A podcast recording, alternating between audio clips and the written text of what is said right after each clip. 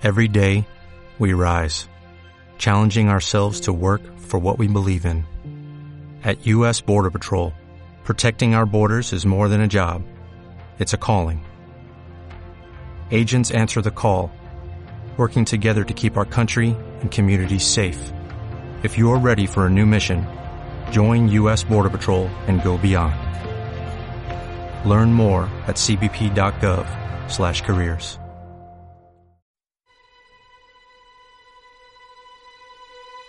Ràdio Marratxí presenta Bon viatge.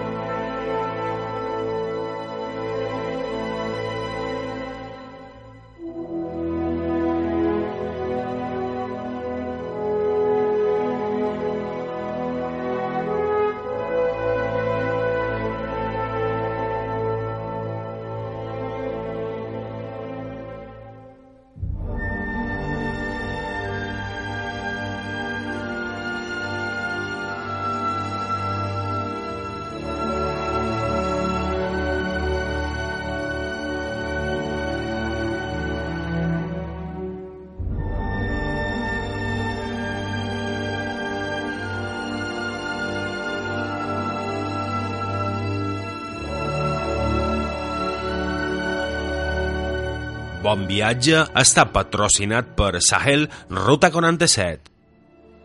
Bones tardes a tots, viatgers i viatgeres del programa Bon Viatge de Ràdio Marratxí, el 92.9. Avançam el mes de febrer, avançam en els nostres viatges i com estem en temporada freda volem cercar un lloc que ens doni un pot de calor, un poc d'ambient i que no estigui massa lluny, perquè no tenim massa d'obvers per viatjar i volem un vol curt però molt agradable i que sigui a l'Àfrica. Avui viatjarem a Algèria. I viatjarem a Algèria amb jo mateix, en Àngel Banyó, qui presenta el programa avui, i amb un expert des de Barcelona. Tenim a l'altre costat de la línia en Pep Bernades. Bones tardes, com estàs? Bona tarda, molt bé. eh? Estàs bé, Pep? Content d'estar amb vosaltres. Igualment, nosaltres també t'agraïm que hagis acceptat la nostra convidada i avui xerrarem d'aquest país que estimes tant, que és Algèria. Jo vos volia dir a l'audiència, me dirigeix ara, que en Pep és d'ofici antropòleg i a la vegada és el cofundador d'un nom d'una marca molt important en el món dels viatges, que és la marca Alter. Alter és un referent a nivell nacional en la qüestió d'edició de llibres i de la revista i, i, a vegades, i també té una agència de viatges que és Horitzà però bueno, en Pep avui està diríem com a representant de la revista Alter al programa i amb ell anem a xerrar d'Algèria Estàs preparat, Pep? I tant. El que passa que nosaltres al Tair, més que agència, llibreria, sempre hem intentat fer una cosa. Utilitzar el viatge com una porta d'entrada fàcil per parlar del món en sèrio. És dir, no de geografia turística, sinó de realment què és un territori, què passa allà, qui viu, la seva cultura, com canvia, eh, quin projecte de futur té, eh, què passa amb la gent.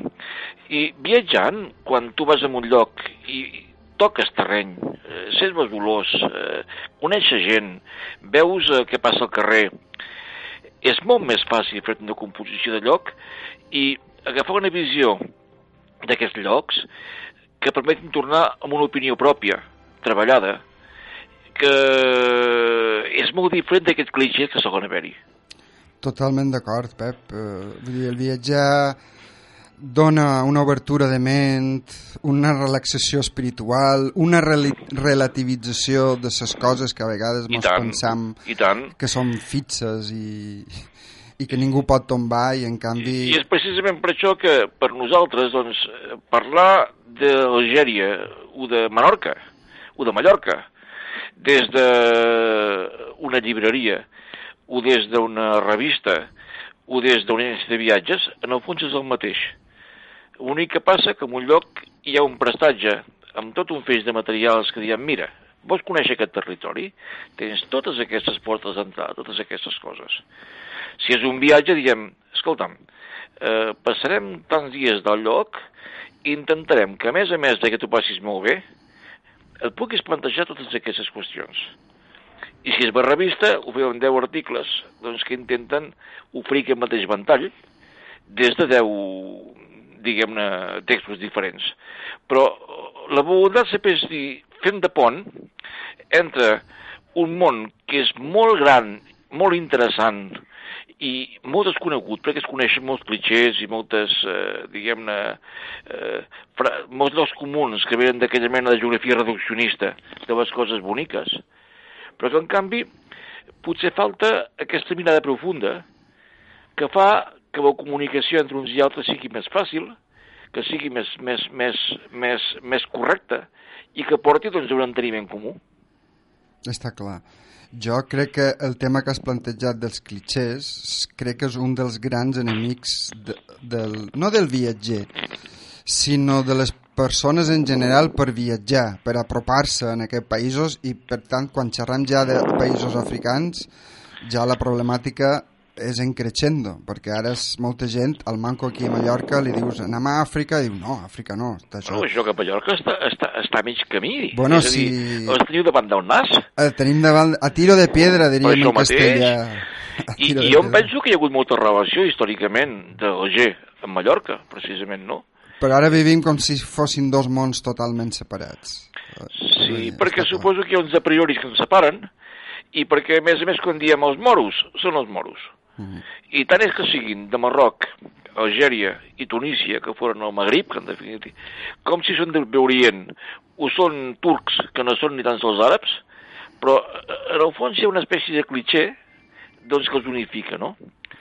I, i què maco és quan hi vas, donar-te compte que Marroc és un univers, Algèria són molts universos, i Tunísia també, bueno, Marroc també, tot plegat, no? Que no és Algèria. Hi ha moltes Algèries i, i, i Algèria és molt gran. És a dir, si tu mires tota la passada mediterrània, és uniforme i en el fons eh, eh, té una unitat.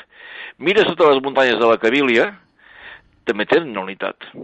I quan mires des de la muntanya cap a la part sud, que mires del desert, i cada vegada hi ha més sercantanes i argandaixos, i menys plantes, i més pedres, doncs entres en un altre univers que també és molt canviant i per mi Algèria, doncs, eh, veure, podríem parlar-ne hores i hores i hores sense poder esgotar doncs, aquesta riquesa de paisatges, de cultures, de maneres de viure, doncs que realment són diverses i que, que, que, que val molt la pena conèixer.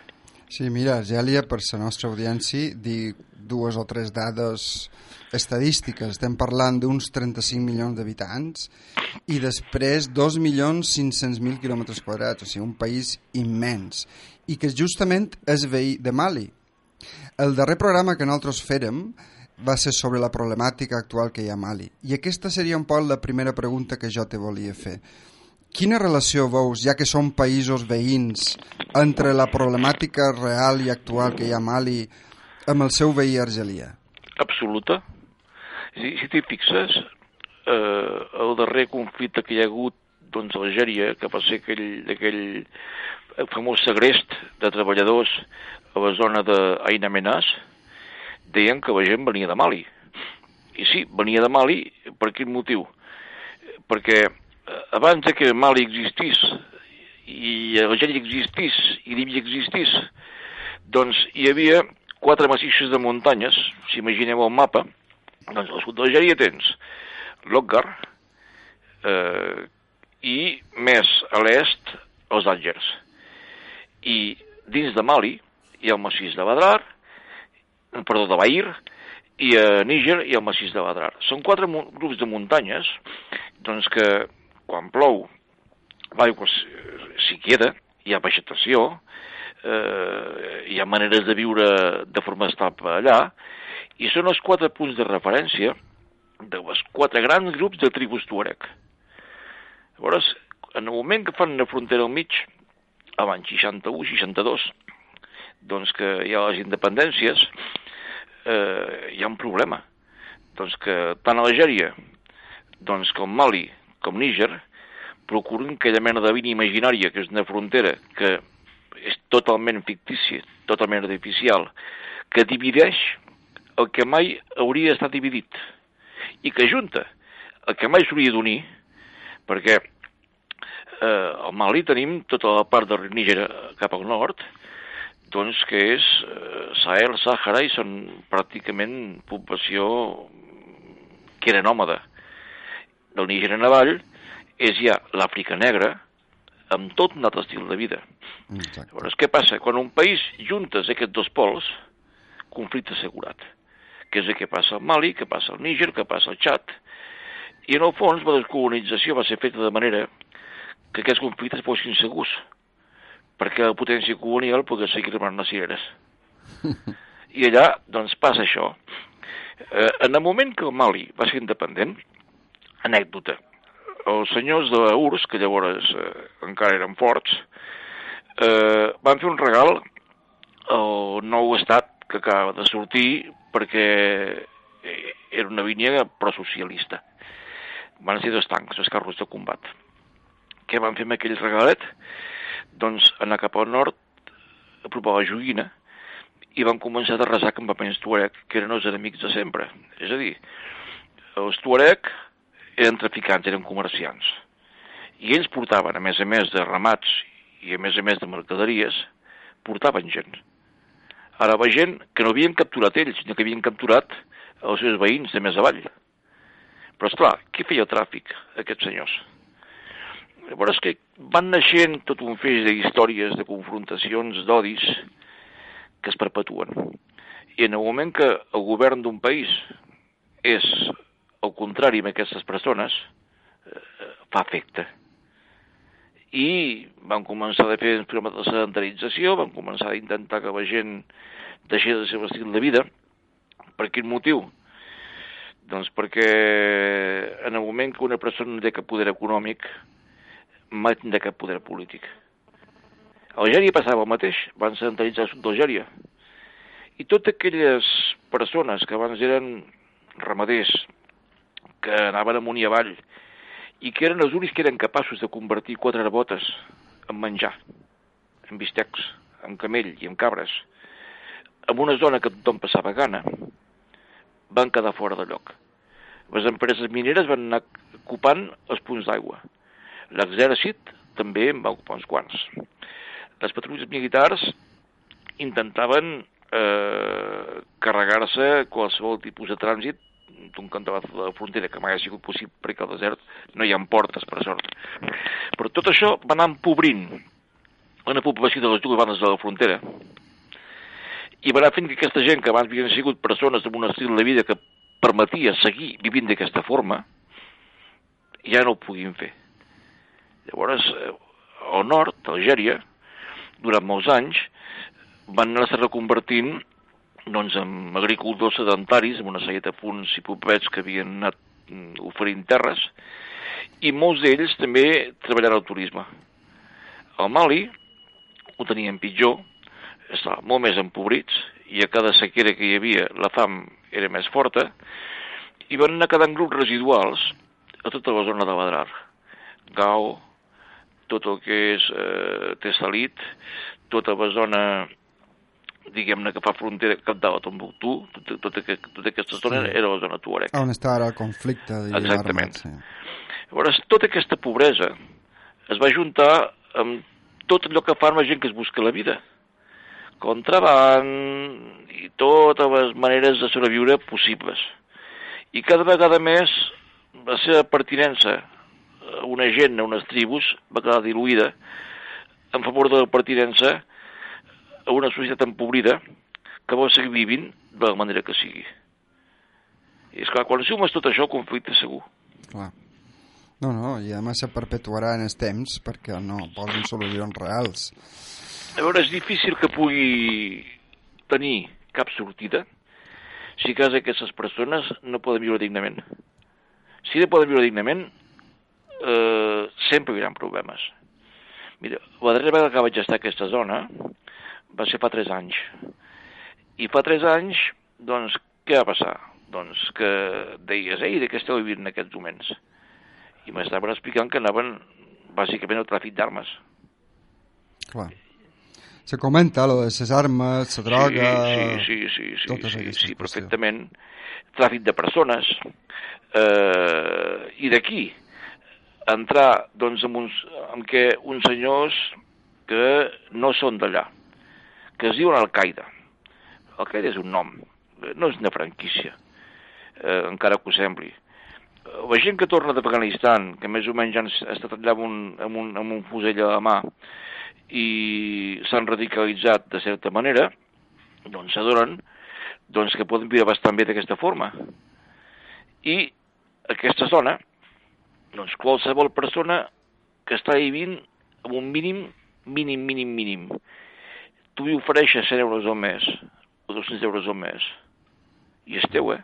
Sí, fa el que tu li diguis. Llavors, a partir d'aquí eh, hi ha mà d'obra, hi ha desesperació, hi ha coneixement de terreny, hi ha necessitat, i, i tot plegat fa meravelles.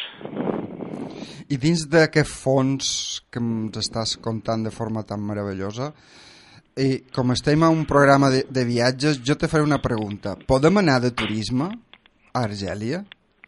Sí, però Eh. jo en aquests moments no ho recomanaria. En aquests moments no ho recomanaries. Mira, per exemple, hi ha un grupet de persones d'aquí a Barcelona que van estar-hi per, per, per Nadal i van anar a la Cavília, que és una zona que realment és, és molt bonica, però no és eh, segura. Per què? És zona de muntanya i és una zona on totes les restes del que va ser el GIA, el FIS i companyia són allà. Llavors els estrangers són molt visibles i és molt fàcil que tinguis un problema. Eh, No va passar res. Ara, eh, en el moment que hi vas unes quantes vegades poden passar moltes coses. Jo no... crec que no és moment d'anar-hi. Ara, en Algèria, anar a les ciutats, Oran, anar a Tlemcen, anar, doncs, a, a, a Alger, no té cap mena de problema. Què Sí. passa? Són ciutats que tampoc tenen eh, uns al·licients especials per passar-hi molts dies. A Alger hi havia passat a vegades mesos i, i he sigut feliç, però perquè estava fent coses allà. Quan penses això anant de turisme, no és ben bé el mateix. Si hem d'anar cap al sud, és a dir, travessar tot el que és l'Atlas i anar cap al desert, no és moment d'agafar un cotxe i anar a córrer per allà de qualsevol manera, perquè qualsevol d'aquestes persones doncs que saben que segrestant algú o fent qualsevol acció poden tenir eh, ressò als diaris, pot actuar. Llavors, no és, crec que no és moment de fer-ho. Jo crec que agafam molt bé la teva recomanació, jo penso el mateix. Crec que és un país fantàstic, que té una infinitat de possibilitats que ara podem després xerrar, dels llocs d'interès, però en aquests moments convé respectar la situació actual i la situació actual ens diu que esperem un poc per poder anar. A, a veure, per viatjar has d'anar-hi amb el cor obert, has d'anar-hi amb felicitat, sense cap mena de preocupació, amb ganes. I quan vas a un lloc que te'n vas a dormir pensant, ai, què passarà? La teva Malament. disposició ja és una altra. Sí, malament. Llavors, mira, la darrera vegada que he estat a Algèria, fa tres anys precisament, va ser perquè per nostàlgia. Vaig trucar un vell amic de Tamanrasset i vaig dir, escolta'm, agafem un cotxe i anem a fer una correguda fins de Janet i vam passar dues setmanes llargues eh, i lloc de fer els 750 quilòmetres que hi ha podem fer 1.500, no? Durant voltetes, seguint racons on coneixíem persones i on teníem eh, complicitats. Va ser totalment meravellós.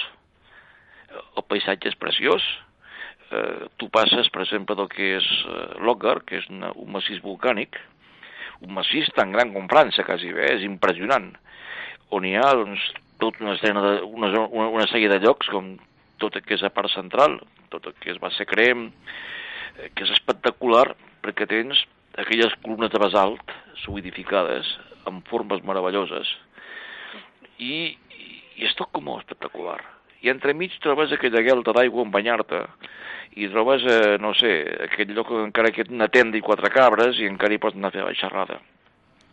D'aquí passes tot una gran zona de sorra, sorra, de, de, de terra. Sí. Sorra n'hi ha poca, però és, diguem-ne, és, és terra dur, fins que arribes a la zona de, de, de, de dunes, que ja abans d'arribar a Genet. Genet i és tot el contrari de l'Òcar. És arenisca, són gresos, amb unes formacions meravelloses també perquè estan erosionades pel vent i fan aquelles formes que a vegades penses quin escultor que és el vent, no? Eh, quins arcs, quines, quines formacions.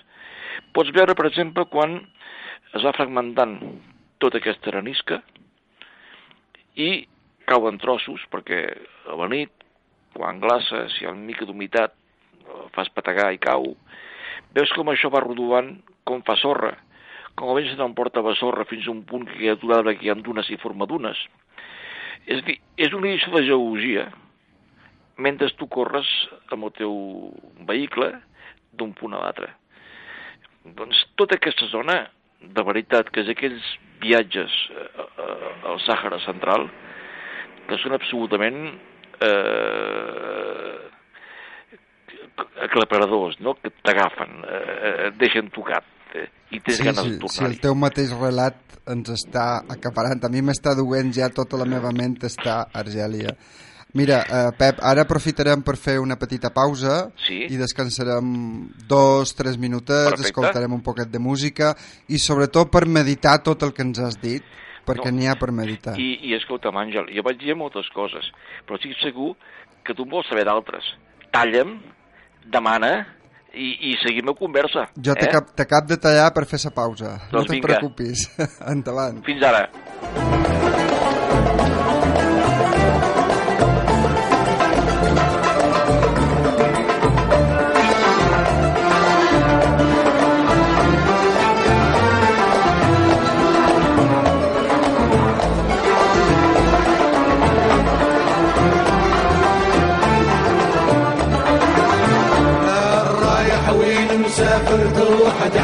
العود والليل شحال من عباد الغافلين قبله وقبله.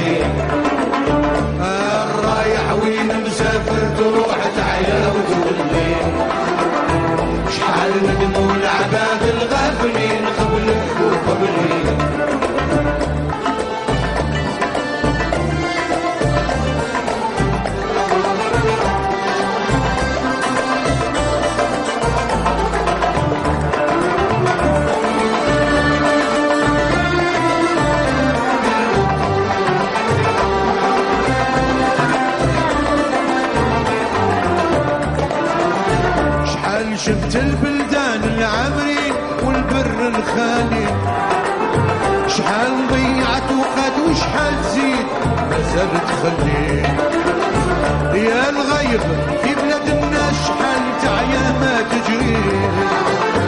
ليك وعد القدرة ولا زمان وانت ما تدري. رايح وين مسافر تروح تعيا وتولي شحال ندموا العباد الغافلين قبلك وقبلي. الرايح وين مسافر تروح تعيا وتقولي شحال ندموا العباد الغافلين قبلك وقبلي Les plus beaux comme ça, hein Les plus beaux comme ça, hein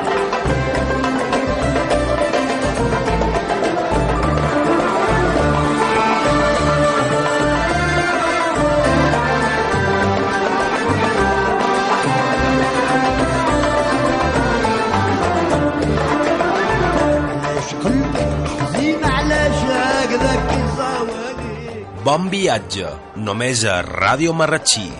Tornem, estem a Algèria, no físicament, però la meva ment, i supos que la d'en Pep, que és el nostre convidat d'avui de la revista Alter, també té la ment a Argèlia. Però abans de continuar en la nostra conversa, volia comentar als nostres oients que a Mallorca se fan coses sobre Àfrica. El Fons Mallorquí de Solidaritat i Cooperació Mallorquí ha organitzat un cicle de cinema africà per aquest mes de febrer i per als que estigueu interessats, penseu que dia 14 de febrer i dia 28 de febrer emetran dues pel·lícules. Eh, amb dues són sobre Mali, una s'anomena L'esprit de Mopti i l'altra se titula Bamako. I aquestes dues projeccions se faran al Teatre Municipal Catalina Valls. Els que estigueu realment interessats en anar-hi, veure les pel·lícules i participar en els posteriors debats, entreu a la web del Fons Mallorquí, que és fonsmallorquí.org, i trobareu tota aquesta informació. I ara nosaltres continuam parlant d'Argèlia. Pep, estàvem parlant de si anar-hi, de no anar-hi, tu ens has dit que en aquest moments no convé. Imagina per un moment que la situació és idíl·lica, que els turistes són ben rebuts i que la seguretat és bona, cosa que ja han dit que no és. Eh, ens has parlat de certs llocs d'interès. Quins interessos turístics, però també culturals i fins i tot de les persones, perquè a vegades parlam de muntanyes, de llacs i ens oblidam de les persones. Quins són els interessos més importants d'Argèlia? A veure, és que és molt gran Algèria. Jo Algèria diria que, a veure, parlem, diguem, a nivell gairebé etnogràfic, no? O sigui, de, de gent que viu. Tens una gent urbana, Alger, Oran, eh, Nava, eh, Constantin, doncs que eh, són persones, diguem-ne, amb una vida molt propera a la que podríem tenir aquí. Potser, doncs, a nivell de consum canvia molt, lògicament, a nivell d'oferta de productes de comprar també canvia molt, però cada vegada hi ha eh, més similituds, sobretot per què? Aquell món rural de quan a Algèria doncs, eh, pràcticament tothom vivia eh, dins d'un medi de pastors i, i, i agricultors, doncs ha deixat pas a grans concentracions urbanes. urbanes. Tens Oran, que s'ha fet bastant gran, deuen tenir en aquests moments cap a dos milions d'habitants. A l'Algèria diuen que en té dos, però ningú ho sap. Alger, perdó, que, que en poden ser quatre tranquil·lament. Tlemcen, que és més petita, però déu nhi també ha crescut, i el camp s'ha anat buidant, buidant, buidant, buidant, buidant. O sigui, tota aquella mena de món que abans podies dir els orers són així, a la Cabília, doncs fan això altre. Això ha anat canviant molt ràpidament. El món urbà és uniforme. Quan anem a la muntanya, doncs tens un parell de punts que són especialment interessants. Un és tota la zona de Tizi Ouzou, que és la, la Gran Cabília, o Constantin, que és Petita Cabília, que és una zona eh, netament, diguem-ne, amazic, eh, per contraposició a les ciutats que estan molt arabitzades, i que sempre ha sigut un espai de ser voluntàriament amazics. Jo recordo els anys 60, que es va fer una espècie d'associació que es deia la Xena Cadena d'Instituts Amazics, que van començar de recuperar amb aquells quaderns escolars de ratlles i de quadrets tot el que eren tradicions, cançons, contes que els vells explicaven i ens escrivien. I tot això va portar un moviment impressionant de recuperació de la llengua. Va néixer una revista que es deia Awal, es diu Awal, que encara es fa a París. Va néixer una enciclopèdia berber, doncs, que també es publica a París. I va ser molt bonic, doncs, tot aquell moviment de, de, de, de recuperació de l'identitat que en aquell moment va ser molt fort. Hi havia un cantant que es deia Idir, que va ser una mica el líder d'aquest moviment, perquè els seus concerts sempre eren plens i la policia fora reprimia, però això fa que la Cabília sigui una zona diferenciada. Què tens a la Cabília, a part d'una vida rural, amb cases que són molt boniques i, i, i amb poblets petits? Hi ha una arquitectura preciosa. O sigui, Imagineu-vos les cases, doncs, que són petitones, amb una espècie de lloc on hi ha llar de foc. Als costats, amb el mateix material de la casa, hi ha eh, silos per, fer, per tenir el gra, hi ha tines d'oli, i tot plegat amb una decoració, amb tota una pintura, eh, que hi ha símbols que es coincideixen amb els tatuatges que porten les dones, amb el que hi ha a la terrissa, amb el que hi ha a les alfombres. I és molt interessant veure com cada lloc pots identificar qui és qui per aquesta simbologia. Abans, a tot el món magrebí, els tatuatges de les dones eren més o menys el seu carnet d'identitat. Eh, La gent era, era, era, no llegia, no hi havia documents, i és clar, tota aquesta espècie de rivalitats entre grups portava que les dones fossin aquells elements que si cases de filla al poble del costat, tindràs un aliat al poble del costat. Això algú podria pensar que és un signe masclista, no? A veure... que les dones estiguessin marcades com si fossin... Sí, però això, això també, els homes també, també tenen les seves, les seves connotacions, no? I sí, les dones, el tatuatges pràcticament indica si són casades, si són solt... quan se casen poden tenen altres tatuatges que si no no portarien, però cadascun et, et, et marca de, quin, de quina zona és. I aquests símbols també els troba repetits amb altres coses de, de, de la seva cultura. I el bonic és entrar a cada una de les cultures, que a cada vall canvia. A veure, això, Mallorca, doncs, mira que és bastant més petit que Algèria, però no té res a veure, doncs, eh, segons quins llocs de tramuntana eh, amb altres llocs, no? Correcte. Eh, és un mica el mateix. Llavors, a part de la Cabília, que és molt interessant per si mateixa, llavors tens tota la part del que són els Orers. Els Orers és la frontera amb Tunísia. Més pobret, més eh, sec que la Cabília, però amb una arquitectura preciosa. Llavors hi ha tota una zona, que és la zona que fa frontera amb Marroc, Tremcen, Mascara, Saida, Meixria, que era aquella zona potser eh, força fèrtil, que els francesos hi van deixar una petjada molt important en forma de vinyes. Els vins de Mascara són boníssims, eren boníssims. Ara ja s'han anat espatllant si és que encara en fan, perquè em penso que ja no en fan. Però era una zona agrícola que, com que al ser molt colonitzada, com tot aquest de Mitista, el sud d'Oran, doncs era molt semblant al camp europeu, perquè els, diguem-ne, les- la colonització francesa va deixar molta empremta. És un altre punt meravellós que és Gardaia. Gardaia és al mig no res. Gardaia, imagineu-vos, doncs, que surts des de les muntanyes que eh, hi ha després de, del Mediterrani, mires el desert, que és tot buit i sec, i encara tens fins a Gardaia cada 800 quilòmetres. Dóna la impressió, mirant el mapa, que és com la porta del desert. Sí, bueno, no hi és el desert, eh? O sigui, la porta és més amunt. La porta diria que ja és eh, pràcticament quan surts de Tiaret i quan surts de, de tot el que és eh, eh, Medea cap avall i és cada vegada més sec. Tot el que són gelfa, els del plató, com diu, els, els, els, els, les altres pen- penures, doncs allò ja és la porta. I Gardaia era el- l'últim forat de món on una gent que practicava un islam diferent que els sunís, que eren ibadites, doncs des de Tiaret van anar cap al sud, van quedar-se a Gardaia, i allà van començar a controlar una cruïlla de camins, doncs que anava de Tunísia cap al mar, anava de Tamanrasset, o sigui, de, del que és el Níger, cap al mar, i del Mali, Adrar, cap al mar. Allò és un lloc riquíssim.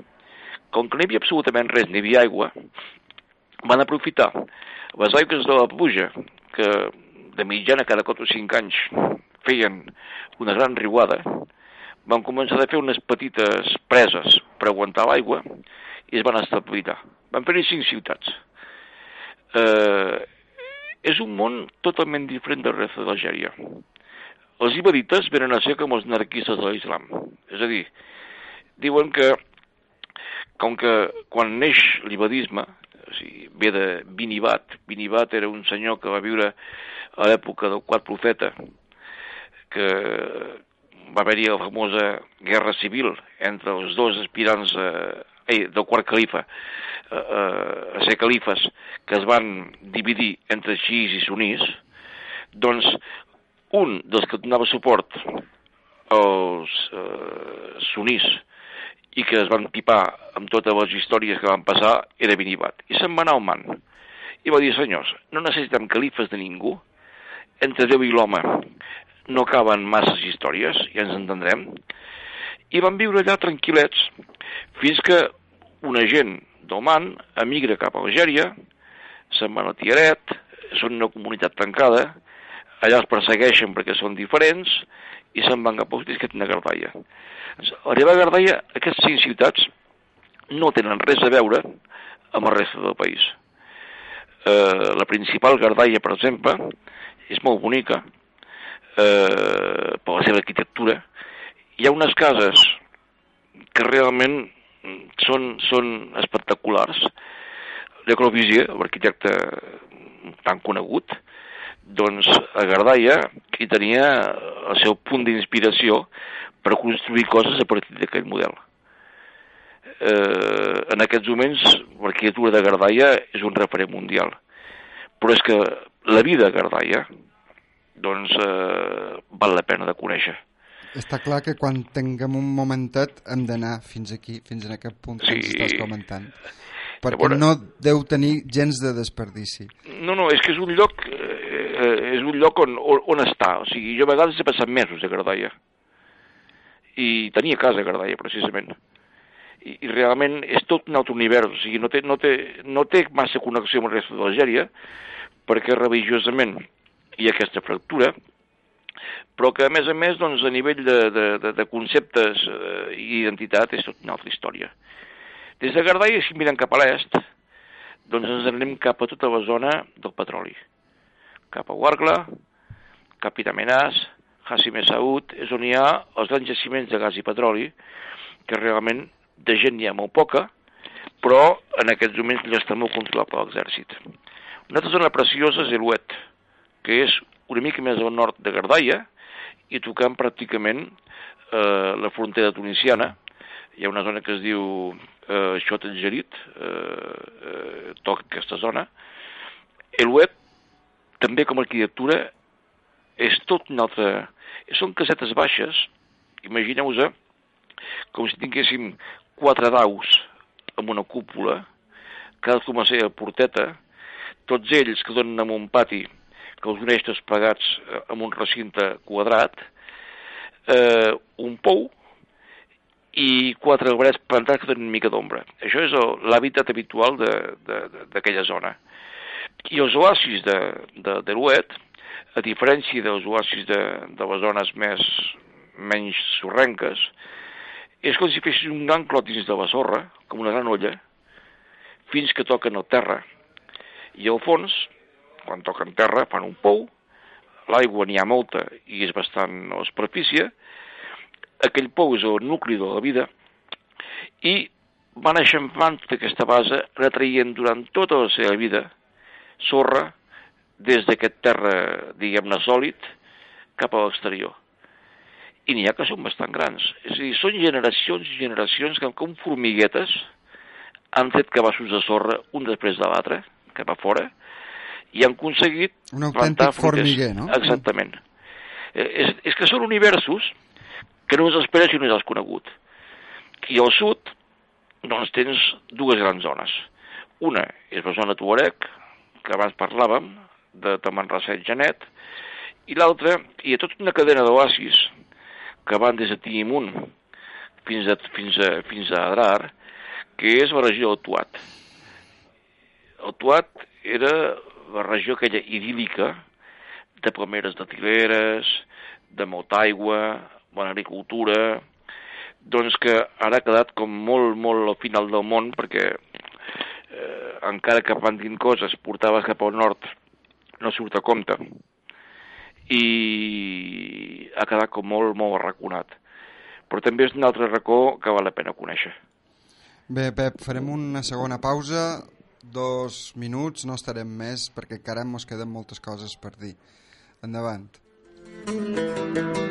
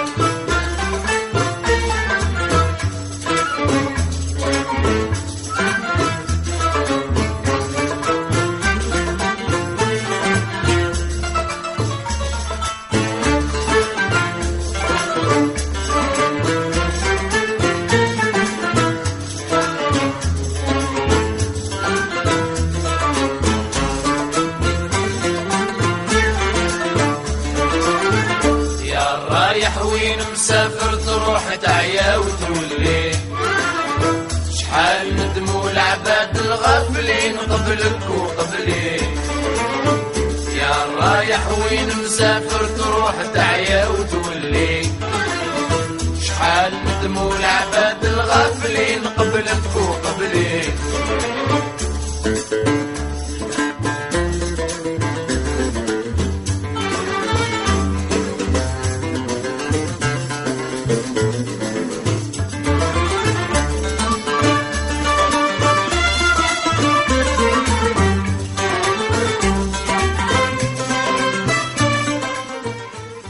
Viatge està patrocinat per Sahel Ruta 47. Agafams darrer pas del programa, la darrera etapa del nostre programa d'avui. Som a Ràdio Marratxí, el programa Bon Viatge, i avui estem parlant d'Argèlia. A l'anterior pausa vos he parlat del cicle de cinema africà que se farà a, a Palma i després vos faré un bon recordatori, perquè comença avui. Però ara vos volia dir d'una cosa que s'està fent en el nostre municipi. A Pòrtol, l'Associació de Veïnats de Pòrtol està organitzant sessions de cuina marroquina i àrab. Crec que està molt lligat al tema que estem parlant avui i a, també a Àfrica. Si qualcú vol participar en aquestes sessions, ha de telefonar en el número de telèfon que ara vos diré. 607 287 705 i demanar per en Pep. Repeteix que és número. 607 287 705 i demaneu per en Pep. Ell vos informarà de tots els detalls i de com se desenvolupa aquestes sessions de cuina mallorquina i àrab. I això se fa a l'Associació de Veïnats de Pòrtol, carrer Major 114 de Pòrtol. I continuam amb el nostre convidat, en Pep Bernades, que estan parlant d'Argèlia profundament. Jo abans he tancat els ulls i estava sentint-lo, escoltant-lo i a la vegada mirant el mapa per anar situant-me de tots els llocs que ens estava contant. Ens has parlat de fronteres abans també, amb Tunísia, amb Marroc, amb, amb Mali. Una pregunta que se m'ocor com a viatger. Com se du el govern d'Argèlia amb els seus veïnats, a nivell institucional? Doncs no massa bé. En Marroc ja fa molt temps un bloqueig important. Eh, la frontera amb Marroc és tancada en aquests moments, o sigui, ni per uh, Ujda ni per uh, el sud uh, es passa. Amb Líbia, doncs, eh, hi ha hagut friccions importants també degut a, als darrers anys en Gaddafi, i en aquests moments no sé com està, perquè eh, tal com estan les coses, Líbia és molt difícil d'encabir de, de, doncs, dins d'aquestes relacions diplomàtiques normals. La frontera amb Níger i amb Mali han sigut fronteres sempre mm, ignorades. És dir, han existit, però hi ha hagut molt poca col·laboració entre el nord i el sud. Ah, està, mo està molt lluny, eh? Sí, lluny mentalment. És a dir, no hi ha pas conflictes, però tampoc hi ha abraçades. I una de les zones eh, més delicades eh, per aquest equilibri és Tinduf, que Tinduf és, és fronterer amb Marroc i hi ha tots els camps de refugiats, hi ha tot el conflicte latent, doncs que en el fons Algèria volia arribar al mar pel Sàhara Occidental i Marroc no li interessava que arribés al mar i li interessava sobretot que els fosfats i la pesca es quedés a les seves mans. I el conflicte saharià doncs, ve exactament d'aquí. I din- Marroc ho ha aconseguit, això. Sí, eh? sí, sí, Marroc sí, ho ha sí, sí, sí. aconseguit. Els fosfats diuen que és un dels majors, més grans ingressos que té el Mohamed. I la pesca. I la pesca, sí, sí. sí. I altres coses. I llavors el, el, els camps de refugiats d'Induf, que és un lloc també que és d'aquells no llocs, doncs que hi ha gent que hi viu des de l'any 75. O sigui, fa eh, 40 anys pràcticament, 30, 37 anys, en fa 38. Doncs que han nascut allà i que han viscut sempre en unes tendes de bona o en cases, o en cases de, de, de tàpia, doncs en un lloc on reben el menjar i on ho reben tot de fora, però que no tenen capacitat de fer res més, doncs és una espècie d'ataca eh, molt difícil de gestionar, tant pels que viuen com per l'Algèria, que és el país d'acollida, com per Marroc, doncs que veu en aquell punt eh, el conflicte permanent amb Algèria. Bé, hem de recordar als oients que Marroc va construir i manté un immens mur que no coincideix exactament en la frontera, però que vol mantenir a ratxa tota la possible invasió, entre cometes, la d'invasió dels saharauis, i aquest, aquest mur és realment és físic, vull dir, ens avergonyim del mur de Berlín, d'altres murs que hi ha a la frontera de Mèxic, Estats Units i, i altres, i aquí ningú diu res, però hi ha un mur físic que separa el que és Marroc d'Algèria eh, i el separa, a més a més, militarment, no? I aquest conflicte jo no sé si algun dia se resoldrà o no.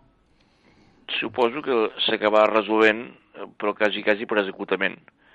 I allà hi ha zones minades, doncs on realment no hi pots circular, i quan vas a Tinduf, doncs els saharauis, ells et porten fins al mar. Ells agafen el cotxe i saben perfectament com burlar aquestes zones i et demostren que poden anar fins al mar. És que una cosa és eh, una, una, una, una excursió pel desert doncs que realment és tan gran que és impossible que et trobin. I l'altra cosa és eh, que la gent pugui desplaçar-se lliurement d'un cantó a l'altre i fer la seva vida. Exacte, no, no. A més, el control marroquí en aquella zona És absolut. És, és absolut eh? I, sobre, I està molt militaritzat, és, és molt fort, és molt fort. Bé, per tant, el resum seria que jo t'he demanat lo, lo de les fronteres, o sigui que, que Algèria, a excepció de Tunísia, la resta com, com que està aïllat. Amb Tunísia eh, sempre hi ha hagut bona relació, perquè també no hi ha hagut conflictes i, i la gent va d'un cantó a l'altre sense massa problema. I eh, Algèria va tenir eh, la seva opció al 62, com va poder ser la famosa República Àrab i Socialista d'Algèria. I el 62 neix un país totalment diferenciat dels que tenia a la vora. Una monarquia, que era el Marroc, eh, una república pre- presidencialista que neix després, que és Tunísia, però que té tot un altre plantejament, eh, i Algèria doncs, opta per una via que és molt interessant, aquella via dels no alineats, aquella via doncs, eh, d'un socialisme panarabista, però això va durar molt poc. I, i eh, tot aquell país que França tenia com si fos eh, l'extensió de, de, de, del seu territori i que assumiava doncs, que fos una província més d'ultramar afegida a França, doncs a partir del 62 tot això cau a trossos i comencen unes contradiccions que encara la duren. Això de província me sona a mi a Guinea Equatorial d'Espanya. Sí, sí, sí, però és que França volia exactament això, i a part hi havia moltíssima gent establerta a Algèria, que eren els Pieds Noirs, eh, en diuen Pieds Noirs perquè quan arribaven a Algèria els hi donaven eh, roba. Entre elles hi havia una mena de catiusques negres, eh? I per això en deien els Pieds Noirs, els peus negres Mhm. degut al, al calçat que els hi donaven, no? I això ha donat nom a tota la generació de francesos eh, arribats allà al principi de la colònia, doncs que s'hi van quedar. Doncs, eh, el país que havien construït en vinyes, explotacions agrícoles, exportaven cereals, exportaven moltes coses que a França, hi havia una mena d'europeïtat molt tangible, tant a Alger com a Oran. A Oran hi havia un barri espanyol molt gran, perquè molts emigrants de la Guerra Civil van anar per a Oran. Eh, doncs tot això eh, va caure en picat el 62. El 62 neix eh, diguem-ne, l'FLN, que era el partit doncs, que va guanyar la guerra, tenia al seu costat tot el món berber i el plantejament era deixem de ser ares i berbers, siguem algerians. En realitat, això no va passar mai. O sigui, el, el cantó, diguem-ne, arabòfon i de cultura àrab va marginar completament el cantó amazic, berber, i va començar una arabització forçada del país i van començar uns projectes que semblaven els plans quinquenals soviètics. És a dir, van fer la revolució agrícola i la revolució industrial. Agrícola va ser que totes les terres eh, que eren de colons francesos les van repartir entre cultivadors algerians i van fer una mena de pressions que tenen viles agrícoles amb maquinària que aquí hauríem envejat moltíssim en aquell moment, parlo dels 70s, bulldozers eh, per aplanar, eh, amb tractors, amb, amb, amb, amb tot tipus de màquina agrícola que, que, que aquí quasi bé no en teníem. I què passa?